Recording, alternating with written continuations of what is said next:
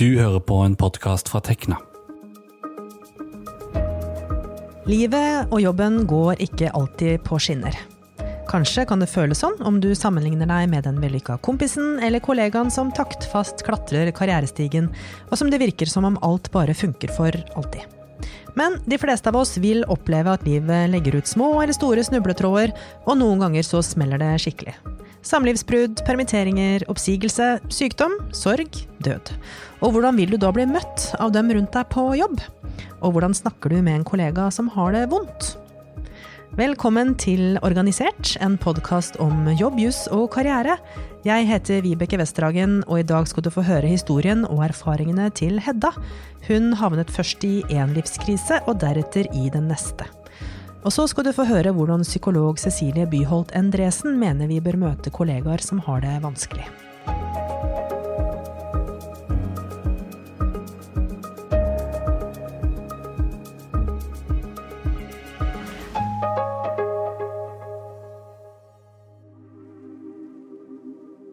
Jeg hadde vært på apoteket på morgenen for å endelig hente ut eh, hormoner. Og så etter lunsj den dagen så satt jeg og jobba sammen med sjefen min, og da fikk jeg en telefon med beskjed om at det var noe med den siste celleprøven, og at det kunne være tegn til tilbakefall. Og at jeg måtte sette behandling på vent og henvises tilbake til radium for utredning. Og da falt jo verden sammen. Hedda Heier Hansen er 34 år, utdannet sivilingeniør og jobber som rådgivende ingeniør og prosjektleder i bygg- og anleggsbransjen. Hun kaller seg sjøl prestasjonsprinsesse, og liker å ha store utfordringer å strekke seg etter på jobben. Da hun var student på NTNU, møtte hun Ola, en høy, kjekk fyr, en gang hun var hjemme på fest på Hamar. De blei stormforelska, men så, kort tid etter, får Hedda en tøff beskjed. Og rett før eksamen det semesteret så fikk jeg en telefon fra St. Olav. Og da tidligere på høsten så hadde jeg hatt celleforandringer og en sånn konisering som ganske mange kvinner har. Men hos meg så ble det oppdaga kreft i det vevet som man hadde tatt ut. Um, så det var jo et kjempestort sjokk og veldig skremmende. Um, og det ble noen, et par lange måneder med utredning og uvitenhet. Uh, men så viste det seg at jeg hadde vært heldig og fått oppdaga det veldig tidlig, så jeg slapp billig unna og fikk en sånn såkalt fertilitetsbevarende operasjon og slapp cellegift og stråling.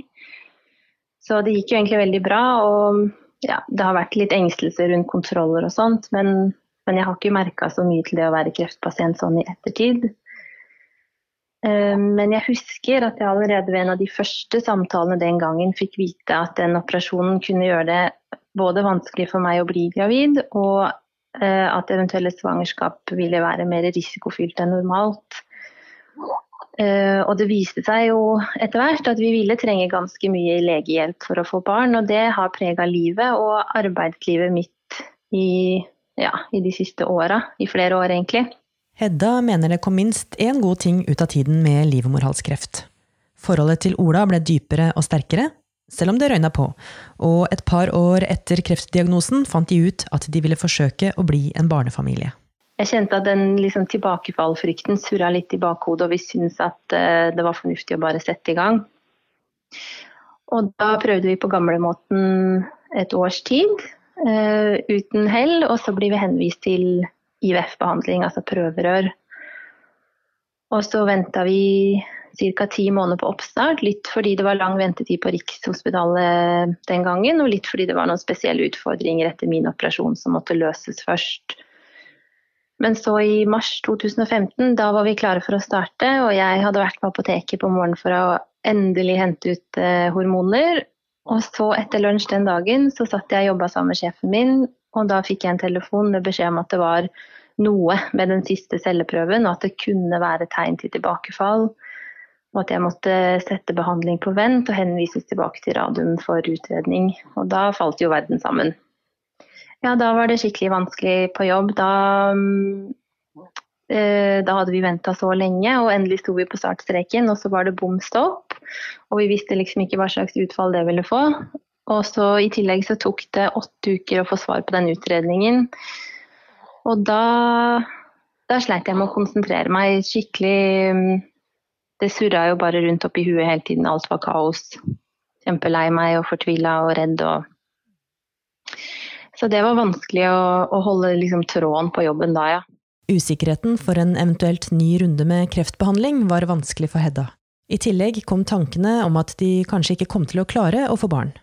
Nei, Det er jo en av de tingene som er veldig vanskelig med ufrivillig barnløshet. Det er at um, um, man tenker jo mye på hvordan vil livet bli. Det der med vil jeg oppleve å få barn, vil vi oppleve å bli foreldre, er jo ganske eksistensielle spørsmål. Og um, det griper liksom dypt inn i, inn i, noe hos oss mennesker, tror jeg, da. Så det var mye sorg og frykt og tanker rundt hvordan blir fremtiden, hva skal vi bruke livet på hvis vi ikke kan få barn. Åtte uker etter celleprøven viste det seg denne gangen å være falsk alarm. Det var ikke kreft.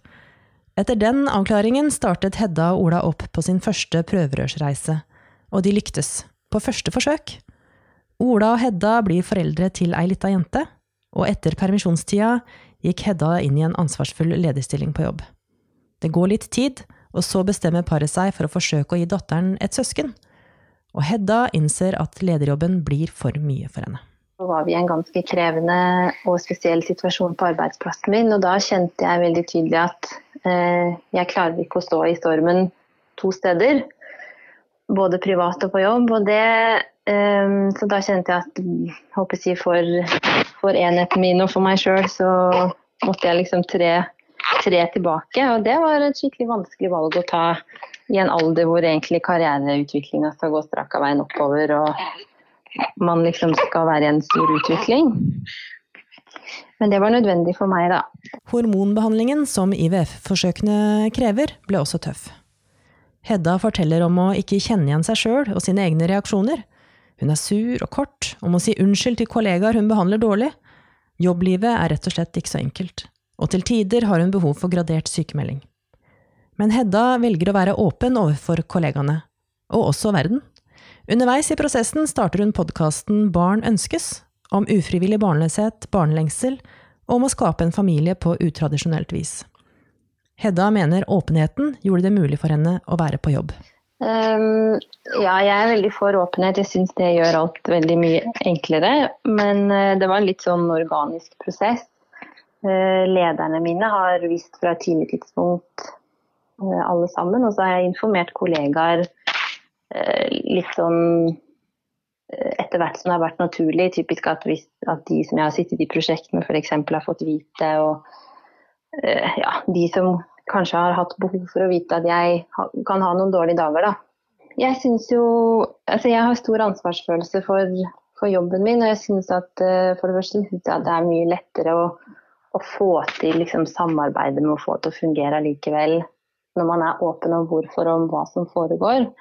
Og så har jeg vært veldig glad og takknemlig for eh, Altså jeg har liksom følt at kollegaer og ledere har veldig genuint ønsket at vi skulle lykkes og, og på en måte brydd seg. Men samtidig så syns jeg at eh, de er flinke til å ha litt sånn business as usual og behandle meg ganske vanlig.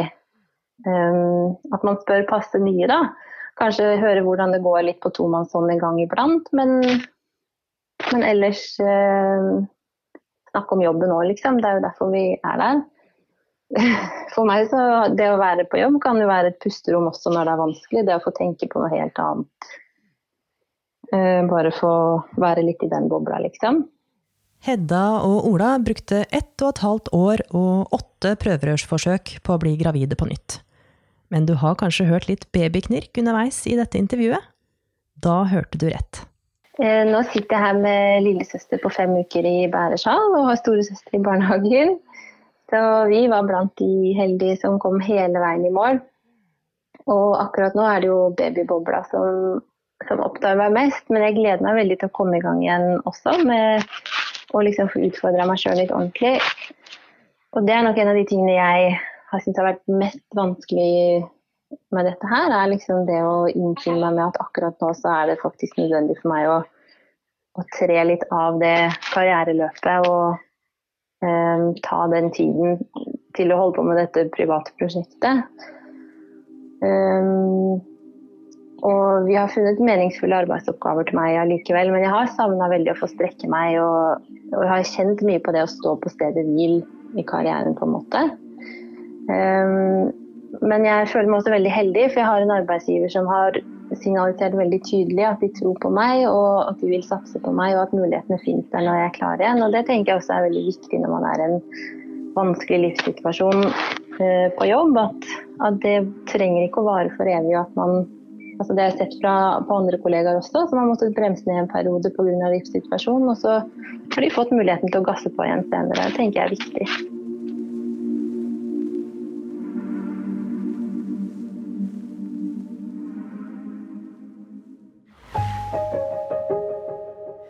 Da kan jeg få ønske velkommen til Cecilie Byholt Endresen.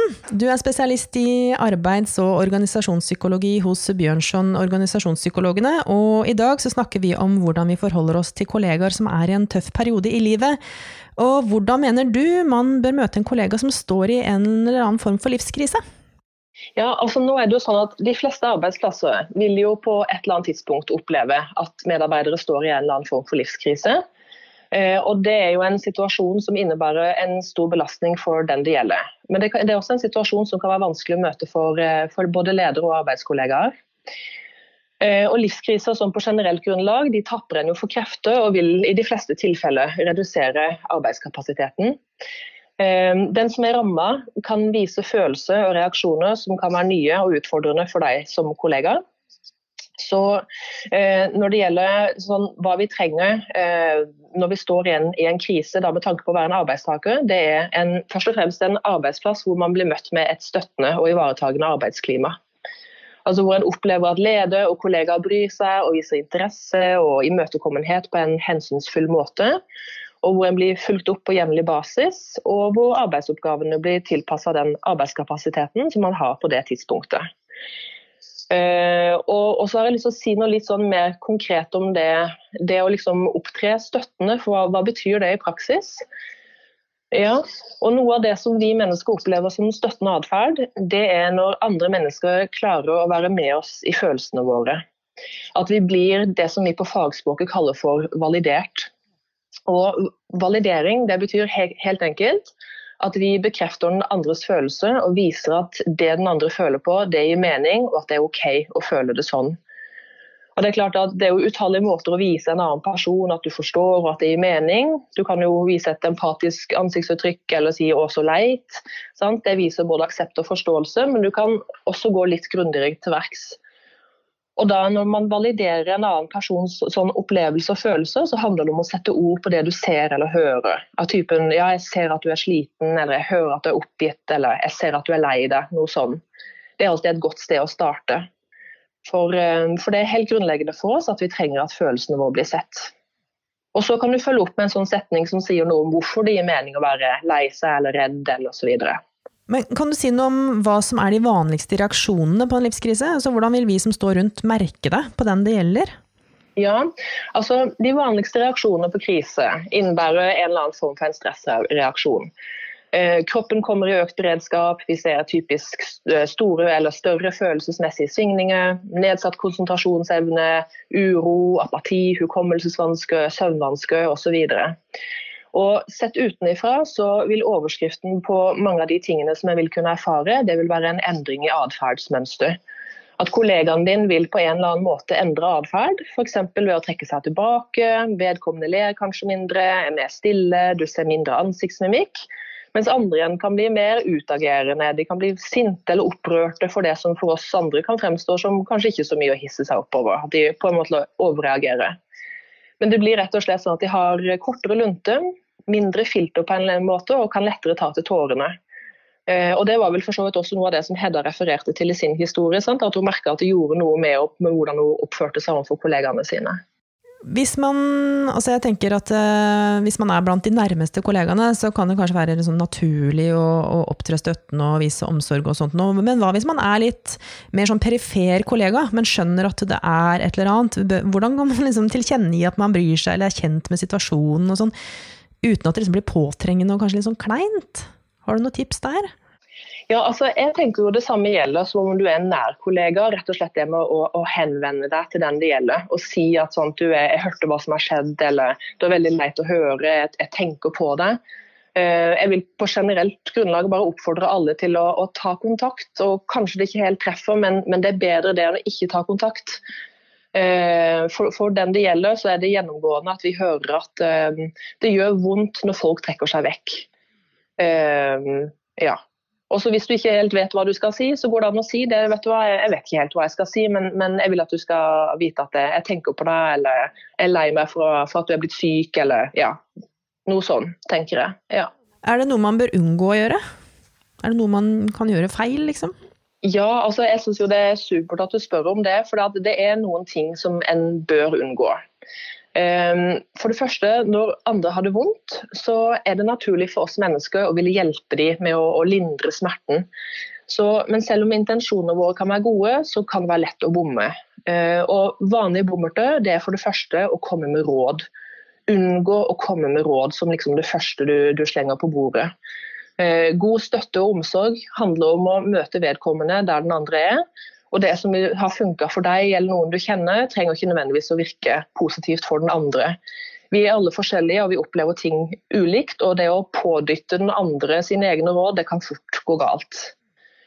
Um, og så vil jeg også si det at Unngå å si sånne ting som det som ikke dreper deg, det gjør deg sterkere, eller det er en mening med alt, tiden leger alle sår, tenk positivt. Altså, de tingene der, det, altså, det er gode intensjoner, men, men, det kan oppleves fullstendig liksom, misforstått og i verste fall krenkende for den som, som tar det imot.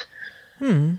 I historien til Hedda så hører vi at hun er veldig for det å være åpen, og hun sier at det å være åpen gjorde at hun faktisk var i stand til å være på jobb. Da. Um, hva tenker du om det å være sånn proaktiv og ta litt sånn regi sjøl og informere um, om det man står i? Jeg tenker at For det første så må man kjenne etter hva som føles riktig for seg selv. At en ikke lar seg pushe til det ene eller det andre, men at man må eie den bestemmelsen selv.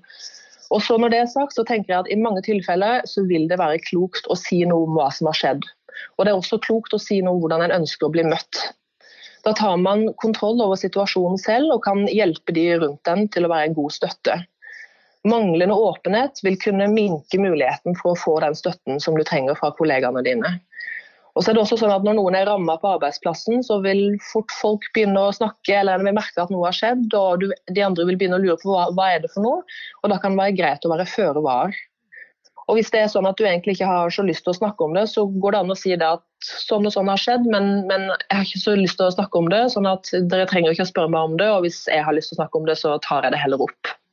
Altså gi, gi litt sånne instruksjoner. Ja.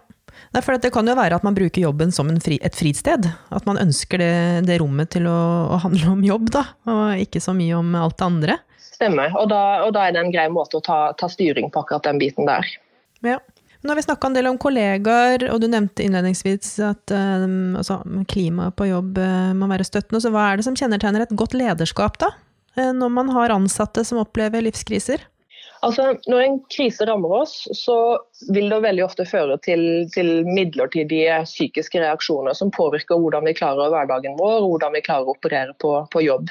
Og Det de aller fleste av oss har behov for da, det er at vi har behov for forståelse og hjelp og støtte. og Det gjelder også på jobb. Sånn at Det er viktig at, at de som er ledere, at de både i ord og handling viser at de bryr seg om den som er ramma. Det signaliserer både en anerkjennelse av den belastningen som den ansatte er utsatt for, og en akseptering av at situasjonen tas alvorlig, og at bedriften stiller opp og vil gjøre det den kan for å, for å hjelpe. Sånn at eh, Rent praktisk så bør en ta en samtale med den det gjelder, og avtale sant, hvordan skal kollegaer informeres, eh, hva har du behov for, hvordan ønsker du å bli møtt. Ehm, på hvilken måte kan vi tilrettelegge arbeidet. Ehm, det er ikke uvanlig at en opplever konsentrasjonsvansker når det gjelder livskrise, mangel på søvn og energiløshet. og Det er klart at det kan jo gjøre noen arbeidsoppgaver veldig vanskelige. og Da kan det være greit at de blir satt bort for en stund i hvert fall. Og så er det det å følge jevnlig opp, støtte over tid, og også mobilisere intern eller ekstern faglig hjelp hvis det er nødvendig. Altså Har dere en bedriftshelsetjeneste, tilby hjelp derfra. Den type ting. Mm. Ja. Du, nå snakka du litt om tid. Også I Heddas historie så hører vi at uh, vanskelighetene pågår jo over flere år. Og jeg tenker sånn, Kollegaer og arbeidsgiver kan jo kanskje at det blir en sånn eh, trøtthetsgreie rundt dette her. Da, at det varer for lenge. Liksom. Hvordan kan man fortsette å ha gode relasjoner på jobb over tid og liksom håndtere dette her over, over flere år, kanskje? Jeg tenker igjen så handler det om, om, dialog. At det går an å snakke om nettopp det. Sant? At uh, Hvis du er redd for at de andre blir lei, sjekk det ut med kollegaene dine. Snakk om det. Uh, sånn, at, sånn, at, kollegaene dine kan, kan, gi en tilbakemelding på det. Og snakke eventuelt også sammen om hva som skal til for at dere ikke skal bli trøtte eller, eller lei av hverandre. Og så, og så, tenker jeg også, Det er jo et poeng det å huske på at jobben er jo en altså, Vi legger mye av livet vårt i jobben, og mange av oss har gode, nære kollegaer eh, som, vi, som, vi, deler mye med. og Samtidig så er det jo også en profesjonell arena. Sånn at Det kan nok være klokt å tenke seg litt om at en ikke er så fullstendig grenseløs når det gjelder hva en bruker kollegaene til. Eh, arbeidsplassen og kollegaene dine skal liksom ikke være en sånn primæromsorgsgiver hvor du, hvor du liksom øser ut alt, men, men, det å sortere litt gjennom og tenke gjennom hva er det som er greit å snakke om på jobb, og hva skal man eventuelt ta på andre arenaer. Og Det er jo kanskje særlig viktig hvis du, hvis du sitter med i en lederstilling på, på det aktuelle tidspunktet. Så, eh, så, jeg tenker at I den anledning er det jo også greit å nevne at eh, det kan kanskje være en idé å oppsøke profesjonell hjelp. Få noen til å, å hjelpe til å sortere litt og snakke ut om ting. Tusen takk for at du bidro i dag, Cecilie Byholt Endresen. Det har vært veldig interessant å høre, på, høre dine tanker. Det var det vi hadde i denne episoden. Ønsker du å komme i kontakt med oss, så kan du som vanlig sende oss en e-post til podkast.krøllalfatekna.no. Og om du liker temaene som vi tar opp i Organisert, så gi oss gjerne en anmeldelse eller tomler opp og stjerner og sånt noe i din podkastspiller. Da blir vi kjempeglade. Vi er snart tilbake. Tusen takk for at du hørte på.